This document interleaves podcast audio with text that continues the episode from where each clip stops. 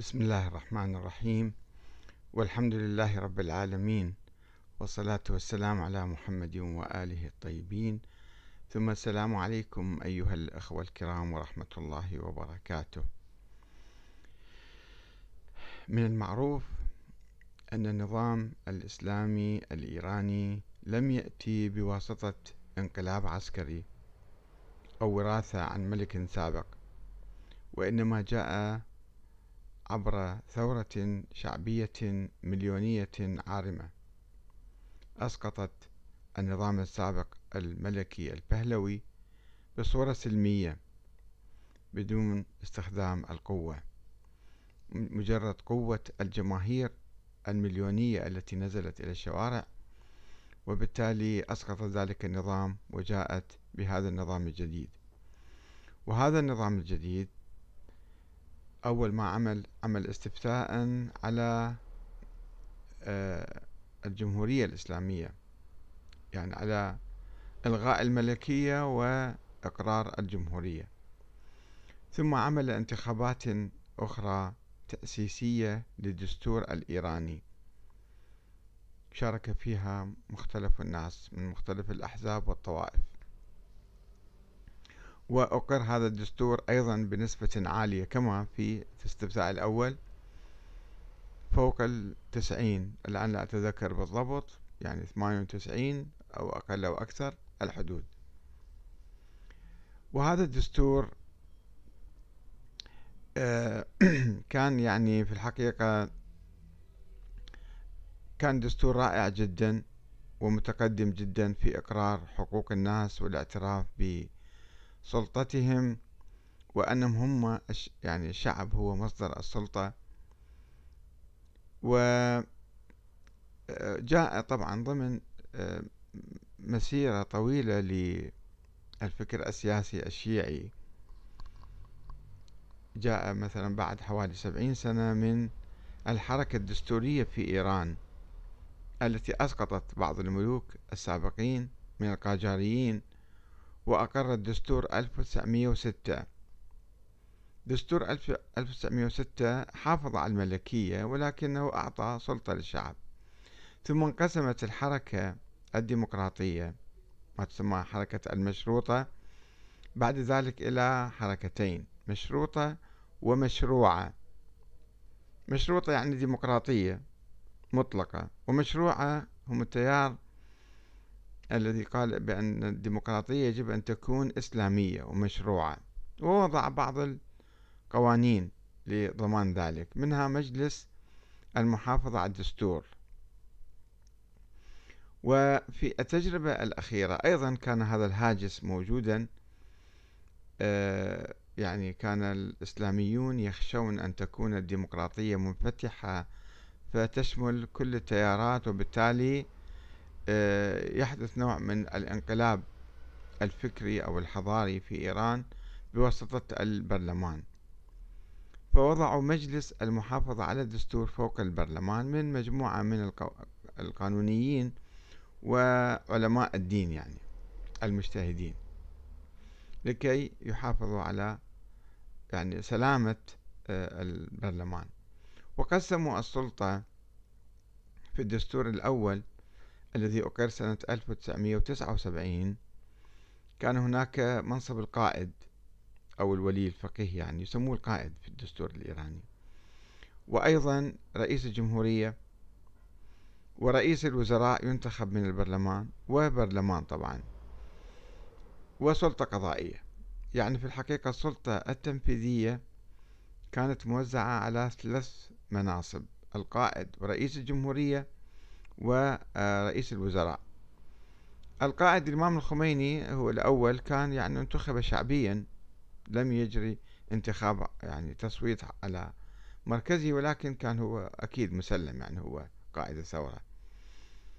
ولكن بعد ذلك وضعوا مجلس آه، مجلس خبراء الدستور مؤلف من 88 عضو فقط مهمته انتخاب القائد.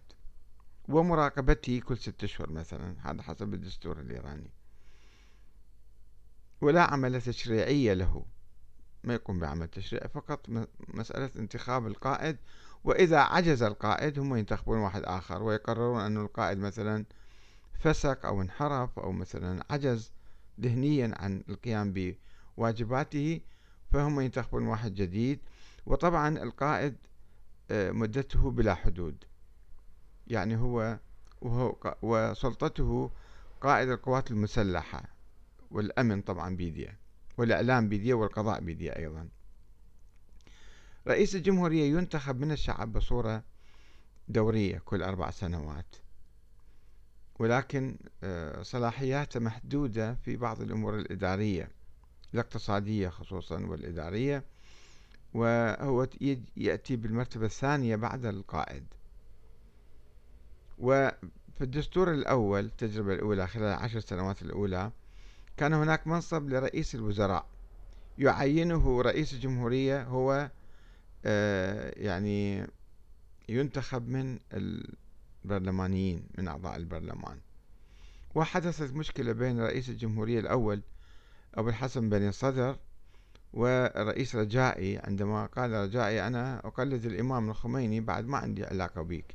عينه أبو الحسن بن صدر وهو تمرد عليه وحدثت مشاكل بين هالمنصبين إلى أن في التعديل الأول الذي جرى سنة 89 تم إلغاء منصب رئيس الوزراء وإعطاء صلاحياته إلى رئيس الجمهورية. هو يعين وزراء ويشكل حكومة. ومع ذلك بقى هو يعني آه، الرئيس الثاني بعد الإمام. صلاحياته أقل. ليس هو المسؤول الأول ليس هو رئيس الجمهورية بالحقيقة إنما هو رئيس الوزراء. أشبه برئيس الوزراء في دولة رئيسها الفعلي هو القائد. هو المرشد القائد يعني. هذا الدستور الإيراني يمكن يعدل أيضا في المستقبل. ولكن هذه صلاحيات في القائد اللي هو عادة مجتهد يكون أو مرجع أو شيء من القبيل عالم بالدين لا يشترط فيه أن يكون آه، شيعيا إماميا اثنا عشرين في الدستور لا يوجد هذا الشرط. ولكن في رئيس الجمهورية يشترط أن يكون آه، رئيس الجمهورية شيعيا إماميا اثني عشريا حسب عادات قديمة من العهد الصفوي. وهذا بالحقيقة يعني حذف ثلث الشعب الإيراني اللي هم قد يكونوا من أهل السنة من التفاعل الحقيقي مع النظام. يعني قطاع كبير من الشعب بالنسبة لرئيس الجمهورية بالنسبة للقائد أيضا هم ما لهم سلطة عليه. هم ينتخبون من الثمانين أكثرهم يعني آه، شيعي حيكون يعني عالم شيعي أو قائد شيعي بالطبع يعني بديهي يعني هذا. رئيس الجمهورية اللي هو مدني وليس لا يشترط أن يكون هو مثل معمم أو وإن كان بعضهم كانوا سيد علي خامنئي أو مثلا رفسنجاني أو روحاني أو خاتمي كانوا معممين ولكن لا يشترط فيهم أن يكونوا بهذه الصفة من الفقه الديني أو شيء من القبيل. وإنما هم رؤساء رؤساء مدنيين. آه، فثلث الشعب تقريبا بهال الفقرة الدستورية أن يشترط بأن يكون رئيس الجمهورية آه، شيعيا اثنا عشريا. أهل السنة يقولون طيب إحنا شنو دورنا إحنا؟ من ما يحق لنا أن نرشح؟ فلماذا نتفاعل كثيرا؟ ربما يشاركون بالانتخابات ولكن يعني بدون تفاعل قوي بهذا الموضوع. لأن ما في منافسة وما في واحد يمثلهم حتى هم يتنافسون مع الآخرين. هذه كانت بالحقيقة يعني ضربة للنظام الإيراني.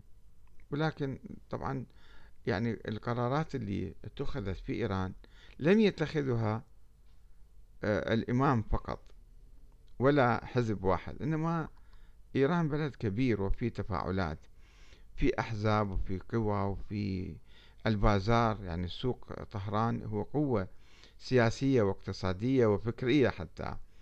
والحرس الثوري بعد ذلك والحوزة والأحزاب الأخرى مثلا هذه كلها قوى متفاعلة يعني فيها اليمين المحافظ وفيها الإصلاحي المعتدل والإصلاحي الثوري وفيها الشباب مثلا منظمة مجاهدي الخلق تيار قوي أيضا كان بإيران وهو كان يعني آه، كان مشارك بالثورة وكان بعد الثورة قوة رئيسية أيضا. فتم تصفية بعض التيارات.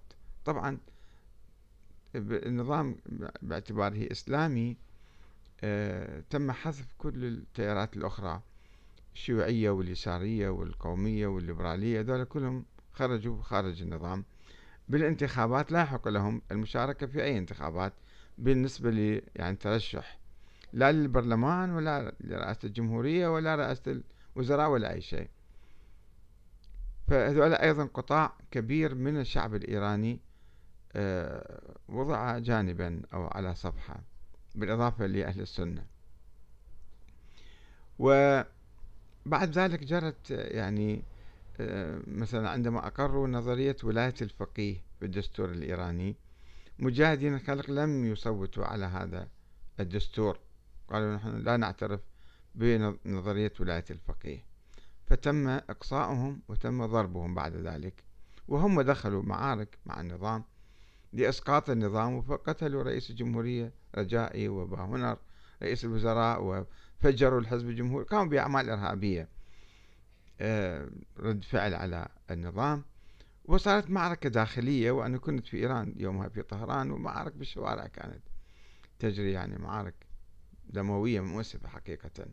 المهم يعني هذا التيار الشبابي أو التيار أيضا أقصي من الذي لا يؤمن بولاية الفقيه لا يستطيع أن آه، قائد منظمة مجاهدين الخلق آه، رجوي رشح نفسه للرئاسة فالإمام قال لك ما يحق لك أنت. ما صوتت على الدستور فشلون تجي يعني ترشح نفسك أن تكون حامي الدستور رئيس الجمهورية فقال ما ما ما لك حق.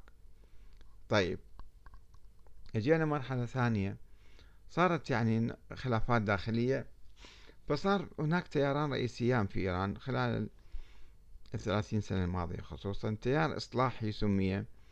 التيار الإصلاحي من رفسنجاني وخاتمي وآخرون والتيار المحافظ. صراع بين هذين التيارين. وكانوا مرة يجي واحد من هؤلاء مرة من هؤلاء آه، وفي بعض الدورات حتى في البرلمان مجلس المحافظة على الدستور كان يفرض الولاء يشترط الولاء لأعضاء البرلمان للقائد. فإذا أنت مثلا اتخذت موقف معارض أو ناقد أو شيء ما يحق لك. أيضا مجلس البرلمان حجم في الحقيقة.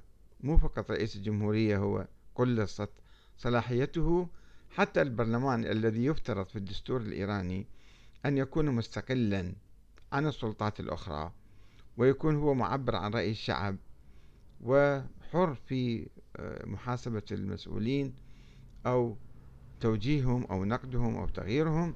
هذا أيضا أخضع البرلمان لسلطة القيادة وبالتالي كثير من الناس يقولون الانتخابات البرلمانية أو قالوا هكذا هي انتخابات شكلية يعني ليست لهم مهام مهمة وليسوا مسؤولين أحرار تماما.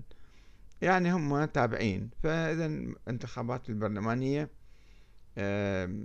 لا تستقطب الناس لأنها تقريبا معدة أو يعني مسيطر عليها. بقت رئاسة الجمهورية رئاسة الجمهورية أيضا في الترشيح في تيارات عديدة. يمكن لها رأي في أحوال البلاد في الأمور الاقتصادية في الأمور السياسية. فهنا بالحقيقة أيضا آه، يجب أن رئيس الجمهورية يعلن ولاءه اشترط هذا الشيء. وبعد ذلك عندما ينتخبه الشعب أيضا يجب أن يخضع إلى توقيع القائد عليه. إذا القائد ما قبله حتى لو انتخب شعبيا بملايين الأصوات يستطيع أن يعزله أو يقول له أنا ما أعترف بك هو منتخب من الشعب المفروض يعني خلص ولكن حسب الدستور الإيراني وفي مشاكل بالحقيقة بالدستور هذا. فمنها هذه مشكلة مشكلة الطائفية ومشكلة يعني الصلاحيات المحددة والهيمنة على رئيس الجمهورية. في هذه الانتخابات التي ستجري بعد أسبوع تقريبا. آه، مجلس المحافظة على الدستور لم يرشح لم يزكي عددا من المرشحين الأقوياء من التيار الإصلاحي وحتى التيار المحافظ مثل أحمد نجاد مثل آه، لارجاني رئيس البرلمان لمدة 12 عام. أعتبروا هذا أيضا غير كفو لكي يتولى منصب رئاسة الجمهورية لأنه يمكن لو كان مرشح يمكن كان هو يفوز من يعني أكثر حظا من بقية المسؤولين. وآخرون يعني أيضا كانوا مرشحون آه، وضعوهم جانبا. مما ولد مع الأسف الشديد يعني ولد حالة امتعاض جماهيرية واسعة في إيران. أنه إذا هاي الانتخابات صورية راح تصير مسرحية ليست انتخابات حقيقية. أن المواطن يشعر أنه راح ينتخب واحد وهذا يحل مشاكله أو هو مثلا يعبر عن رأيه أو كذا.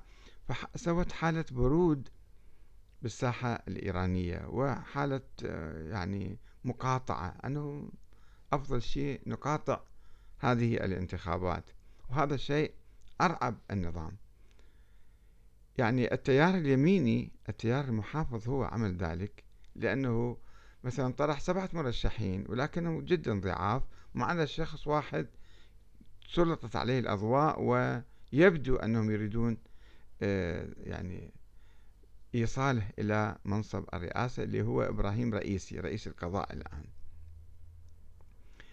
آه، وهاي الحالة طبعا هذا راح يضر النظام مع الأسف الشديد. يعني النظام المفروض يواجه أمريكا يواجه آه، الصهيونية يواجه الحصار يواجه يعني مشاكل عديدة. المفروض عندما يريد أن يتحدى الخارج أن يحافظ على قوته في الداخل. والقوة في الداخل تعني استقطاب جميع القوى. ما يسمح لأي قوة سنة شيعة محافظين إصلاحيين يجب أن يستقطبهم ويحتويهم ويعتمد عليهم حتى لا يترك فرصة أو ثغرة لحدوث تمرد أو حدوث مظاهرات أو أو مشاكل أو مثلا آه، يضطر بعدها لاستخدام العنف معهم ويزداد ضعفا. النظام عندما يستخدم القوة مع شعبه يزداد ضعفا. الناس يقولون هذا نظام ظالم. هذا نظام مثلا آه، مو عادل. فتشوف أنه آه، رد فعل بدل ما أنه يعمل كما دعا القائد السيد علي خامنئي إلى إصلاح وإنصاف هؤلاء المطرودين من المنافسة لم يحدث ذلك. وصر مجلس صيانة الدستور على موقفه ولم يعد النظر في أي واحد من هؤلاء أو يعيده إلى المنافسة. فبقيت الساحة ضعيفة جدا وهناك خوف كبير من المقاطعة الكبيرة للانتخابات وهذه ستشكل ضربة مؤسفة للنظام في الحقيقة. لذلك الآن الإعلام الإيراني أو المسؤولين المحافظين خلينا نقول يحاولون يعني ترقيع هذه المشكلة أو يعني باستخدام تعبيرات قاسية مع الناس أنه المسلم يجب أن يشارك بالانتخابات ويحط ما يحط ورقة بيضاء حرام. وإذا ما حط ما شارك هذا أصبح كافر أو أصبح كذا. سابقا كانوا يتهمون المعارضة بالنفاق والمنافقين يسمونهم. مجاهدين خلق منافقين خلق هؤلاء. أي واحد يخرج مثلا عن النظام هذا يصير منافق. هذا مو صحيح. مسلم مؤمن يصلي يصوم مختلف معك حول الدستور حول ولاية الفقيه. لا يكون منافق. اختلفت معاه أنت أنت ظلمته هو ظلمك. تقاتلتوا ما تسمي واحد آخر منافق. هذا خطأ كبير بالإعلام الإيراني. أي واحد ضد الثورة هذا هذا عميل هذا إسرائيلي هذا صهيوني هذا أمريكي هذا. هذه اتهامات عشوائية باطلة. مو ما تحل مشكلة تزيد الأداء للنظام وتبعد الناس أكثر. فضمن هذه الأزمة هناك إمام جمعة في مشهد اسمه علم الهدى. هذا هو قريب من أحد المشاركين ويقال هو والد زوجة رئيسي إبراهيم رئيسي المرشح الأقوى الآن من من تبقى. آه، في يوم 28 أيار يوم الجمعة يعني قبل جمعتين تقريبا ألقى خطاب في شديد اللهجة جدا في مشهد ونقلتها وكالة الأنباء الإيرانية إسنا يعني وكالة أنباء الطلبة يسموها. نقلت الخطاب وأين نشرته كاملا بالفارسي والعربي. آه، وفي عبارات عجيبة غريبة يعني آه، يحاول أن يجر الناس جرا إلى الانتخابات.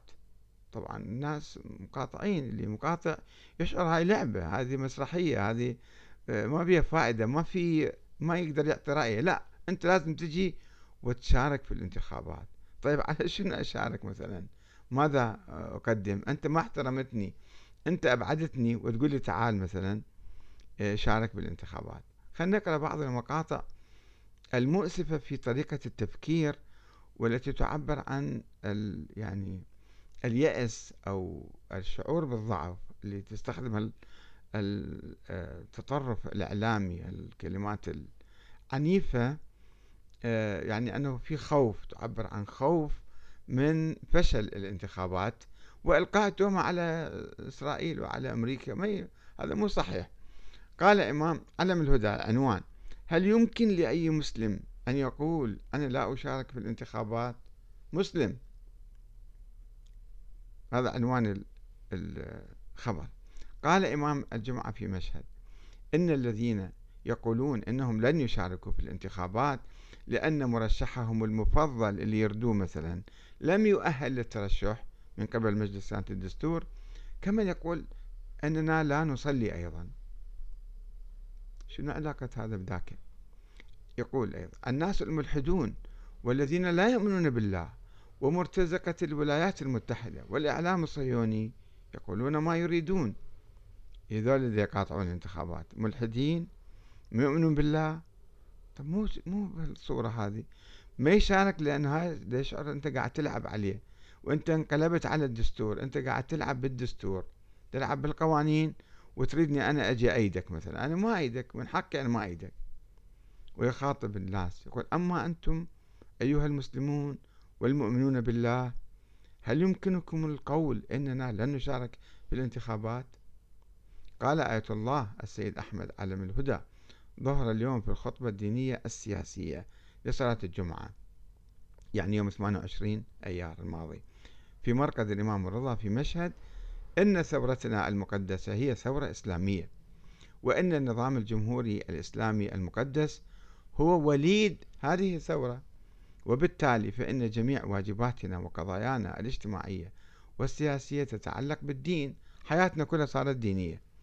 ويجب توثيق جميع الأنشطة التي نقوم بها في مجال السياسة وفقا للأوامر الدينية والأوامر الدينية من أين تأتي؟ من المرجعية من علماء من رجال الدين يعني كل ما يقولون فهو دين يصبح حتى لو كان في ظلم حتى لو كان في اضطهاد حتى لو كان في تمييز حتى لو كان في مخالفة للدستور ولشرع الله إذا معمم قال كلام فيصبح هذا كلامه حجة شرعية وأمر ديني وعلى الناس إطاعته. وشدد على أنه هذا علم الهدى أنه لا يمكننا تهميش الدين في مجالات هذا النظام. وقال لا نستطيع أن نقول أنه يجب علينا العمل بأفكارنا وآرائنا. ما لك حق أنت تعمل برأيك. هي في مسألة سياسية مو مسألة دينية. الانتخابات أو النظام السياسي بس هم الآن في إيران طبعا يخلطون بين الدين والسياسة يقولون آه الإسلام سياسته دين ودينه سياسة. وبالتالي فهذا النظام هو جزء من الدين. طيب أنت اللي قاعد على رأس هذا النظام أو أنت قاعد مسؤول بالنظام أنت قاعد أيضا تلعب بهذا النظام تلعب بالدين. فشلون الناس يسمعون كلامك؟ يقول لذا فإننا كمسلمين ملزمون في هذا النظام المقدس الذي انبثق من الثورة الإسلامية بممارسة جميع أنشطتنا وفق أحكام الشريعة الإسلامية المقدسة. الشريعة الإسلامية صلاة وصوم وحج وزكاة. ما بيها نظام سياسي. كل قرآن اقرأ من أول إلى آخره. لا يوجد فيه كلام عن النظام السياسي وطريقة الانتخاب ونظام آه، ديمقراطي ولا شورى ولا كيف ما يكون. فهذا يعني إقحام أشياء جديدة واعتبارها دينية. وأشار ممثل المرشد الأعلى في المشهد الرضوي في خراسان إلى إحدى مهامنا الاجتماعية الكبرى هي موضوع المشاركة السياسية. وأشار وقال يعني في الفكر السياسي للإسلام تعد المشاركة السياسية واجبا واجبا دينيا يعني وليس مجرد حق حتى يجوز لأي فرد أن يمارسه أو لا. على العكس من الفكر السياسي الليبرالي الديمقراطي الذي يرى أن المشاركة السياسية حق ومن حق المواطن استخدام هذا الحق أو عدم استخدامه. يريد يجي ينتخب أو ما ينتخب كيفه لا إحنا بنظامنا لازم تجي هذا واجب شرعي عليك. يعني آلية صارت آلية دينية بعد ما في مجال أنت تفكر أو تعطي رأي أو تتخذ موقف. هذا إحنا شو نقول؟ هو يصير دين. وأنت عليك الطاعة وعليك. تجي تدخل في ماكينتنا وأكد علم الهدى أن المشاركة السياسية حق متولد من الواجب وأضاف في رواية متواترة وردت عن الرسول الكريم صلى الله عليه وسلم وذكرها المرحوم الكليني في كتابه الكافي قال الرسول من أصبح ولم يهتم بأمور المسلمين فليس بمسلم وقال علم الهدى أن أمور المسلمين شنو هي اللي نبي يعنيها؟ هي القضايا الاجتماعية والسياسية للمسلمين. وبناء على هذا الحديث فإن الشخص الذي يقوم بالواجبات الدينية والمستحبات يصلي ويصوم ويسوي كل شيء ولا يهتم بالقضايا الاجتماعية والسياسية للمسلمين ومصير الإسلام فإنه ليس بمسلم وإن جميع أعماله باطلة. وقال إمام الجمعة في مشهد أنا لا أتحدث من نفسي وإنما أنقل لكم قول النبي من أصبح ولا يهتم بأمور المسلمين فهو ليس بمسلم. وتابع علم الهدى بالقول إنه بحسب الرسول صلى الله عليه وآله وسلم فإن الذين لا يبالون بالمشاركة في الانتخابات ليسوا مسلمين. لقد بين الرسول لنا واجبنا عندما يعلن مراجع التقليد والقائد أن المشاركة في الانتخابات فرض ديني فإنهم يصدرون هذه الفتوى بناء على حديث الرسول أن الرسول جعل المشاركة السياسية واجبة علينا. وأضاف أن الذين يقولون أننا سنقاطع الانتخابات لأن المرشح المفضل لدينا لم يسمح له بالترشح في الانتخابات مثل من يقول أنا لا أصلي ولا أصوم. صار كافر يعني هذا. واتهم المقاطعين يرهبهم بالحقيقة. الناس الملحدون والذين لا يؤمنون بالله ومرتزقة الولايات المتحدة والإعلام الصهيوني يقولون ما يريدون. أما أنتم أيها المسلمون والمؤمنون بالله هل يمكنكم القول أننا لن نشارك في الانتخابات؟ وشدد ممثل المرشد الأعلى في خراسان أن أعداءنا يريدون ذلك. يريدون أنه الناس ما يشاركون. أنهم يريدون منكم أن لا تقرروا بأنفسكم حتى يقرروا هم بالنيابة عنكم. إذا قرروا نيابة عنكم. إذا قرروا نيابة عنكم فسوف يأخذون بعين الاعتبار مصالحهم الخاصة وليس مصالحكم. وأضاف علم الهدى أن الأعداء يريدون منكم عدم المشاركة في الانتخابات حتى يقرروا نيابة عنكم ويعينوا لكم رئيسا ويتولى حياتكم الاجتماعية. لقد قال النبي إنكم إذا لم تفعلوا هذا ولا تبالون بالمشاركة في الانتخابات فأنتم لستم مسلمين. لذلك فإن المشاركة في الانتخابات واجب ديني. وأشار ممثل المرشد الأعلى في خراسان كما قال الإمام القائد كانت بعض الاحتجاجات ضد مجلس صيانة الدستور عاطفية وربما كانت صحيحة اعترف بذلك يعني. لكن بعض المحتجين يتعاونون مع العدو سواء كانوا يعلمون أو لا يعلمون أن العدو يهدف إلى تدمير إما الجمهورية أو الإسلام في نظام الجمهورية الإسلامية. خطاب طويل هذه يعني مقتطفات مهمة من الخطاب. في الحقيقة فعلا النظام الإيراني مهدد من قبل أمريكا وإسرائيل والقوى الرجعية في المنطقة. تحاول إضعافه وتحاول إحداث شرخ في داخله وتحاول يعني تسديد ضربات له. ولكن على المسؤولين وعلى مجلسات الدستور وعلى الدولة العميقة في إيران أن أن تفهم هذا الشيء أن لا تساهم هي في إضعاف النظام. وتبعد الناس عن المشاركة وتبردهم وتشيع اليأس في قلوبهم. والله أنتم هذا مرشحنا نريد تنتخبوه. وإذا ما تنتخبوه أنتم تصيرون كفار وتصيرون بعد مو مسلمين.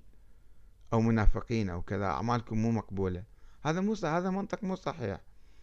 المهم إذا أنتم التزمتوا بالدستور وأعطيتوا حرية للجميع وعدلتوا الدستور حتى حتى السنة يجون يشاركون بالانتخابات راح النظام يصير أقوى ويستمر وما حد ما يقدر يلعب عليه. أما أنتم فعلا بأنفسكم تسيئوا إلى ال ال يعني إلى الوضع الدستوري تتلاعبوا بهذا المرشح تردوه جيبوه ما تردوه تطلعوا تردوه برا. هذا مو صحيح هذا خطأ كبير تاريخي سوف ينعكس سلبا لا سمح الله على الجمهورية الإسلامية. ونحن يعني ندعو الله أن الله يحافظ على هذه الجمهورية لأنها سند إلى المسلمين المقاومين ومحور المقاومة في كل مكان. فهذه آه، خطوة ما أعرف منه من التيار المحافظ اتخذها وأبعد الناس عن المشاركة. استمعت بهذه المناسبة في هذه الأيام. كلمة للشيخ المنتظري رحمة الله عليه. يقول أن الشعب الإيراني هتف في مظاهراته المليونية. شعاراته كانت الاستقلال الحرية والجمهورية الإسلامية. وهذا طبعا إنعكست بالدستور. والآن الجمهورية أكيد هي محافظة على استقلال إيران. أهم شيء هو استقلال إيران. يشهد بذلك العدو والصديق. أنا دولة مستقلة ليست تابعة لأحد. ولكن ماذا عن الحرية؟ الحرية يقول ليست حرية الحكام حرية الناس لازم إحنا نحافظ عليها. وحقهم في الانتخابات وفي إقامة نظام ديمقراطي صحيح حتى يستقطب جميع فئات الشعب. حتى يعني حتى مسألة يعني مسائل عديدة يمكن واحد يناقشها ويعدل يعدل الدستور حتى آه، يقوي النظام نفسه أكثر فأكثر. أما إذا سرنا بهذا الطريق اليومية إحنا نريد فقط مرشحنا ننجحه والبقية نبعدهم وبعدين نلومهم وأنتم مو مسلمين أنتم كفرتوا بالله بصلاتكم مو مقبولة. إذا ما إجت صناديق الاقتراع أو حطيتوا ورقة بيضة الناس ما يسمعون. هذه الفتاوى وبهذه المناسبة أتذكر كلمة قرأتها لعالم شيعي كبير هو الشيخ محمد حسين النائيني رحمة الله عليه. صاحب كتاب تنزيه الملة و آه، كتاب مشهور في التنظير للديمقراطية في أيام الحركة الدستورية المشروطة في إيران قبل مئة عام. يقول يحذر من تدخل العلماء أو رجال الدين في السياسة وأخذ المناصب. يقول أنتم إذا أخذتوا المناصب السياسة بها كذب وبها دجل وبها لعب فالناس راحوا يرتدون مو عليكم فقط يرتدون على الدين. فأنتم راح تضعفون الدين إذا أنتم إجيتوا بالسلطة. فأنتم حافظوا على العملية الديمقراطية حافظوا على العملية الدستورية. من دون ما تجون تدخلون وبعدين تضطرون للكذب واللعب ومخالفة الدستور ومخالفة الإسلام وتصورون للناس أنه هذا موقفكم هو الشرع هو الدين هو الشيء الصحيح. رحمة الله على الشيخ النعيمي. نأمل أنه إيران تتجاوز هذه المحنة وهذه الأزمة وأن لا تنعكس سلبا كثيرا على الناس وعلى مثلا ابتعاد الناس عن هذا النظام لأن النظام مستقل مقاوم يعني هو الوحيد في المنطقة الذي يحفظ آه، يدعم حركات المقاومة في المنطقة ضد الهيمنة الاستعمارية والصهيونية والاستبداد الرجعي في المنطقة. والسلام عليكم ورحمة الله وبركاته.